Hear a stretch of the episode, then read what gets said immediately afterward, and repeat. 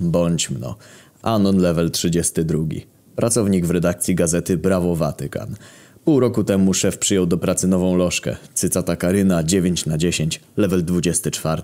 Nie ma żadnych kompetencji do pracy w redakcji. Do tego jest głucha jak pień. Szef ją przyjął, bo szlifowała mu stalagmita pod biurkiem.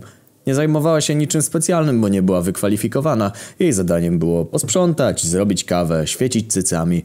W sumie to spoko, że pracuje z tobą, śmiesznie jest. Jest tak głucha, że możesz ją zwyzywać, a ta nie reaguje. I do tego widoki spoko.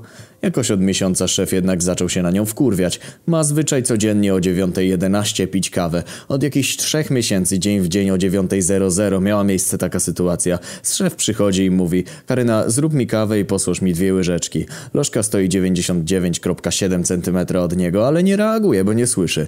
Karyna, przynieś mi małą latę i posłodź dwie łyżeczki. Reakcji zero.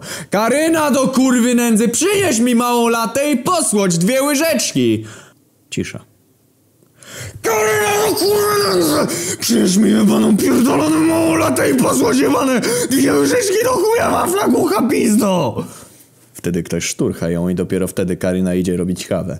Od codziennego krzyczenia szefowi siadło gardło. Tydzień temu z kolei szef kazał jej poodkurzać, bo trochę syf się zrobił, a miał mieć ważne spotkanie biznesowe i nie chciał się najść wstydu, że brudno.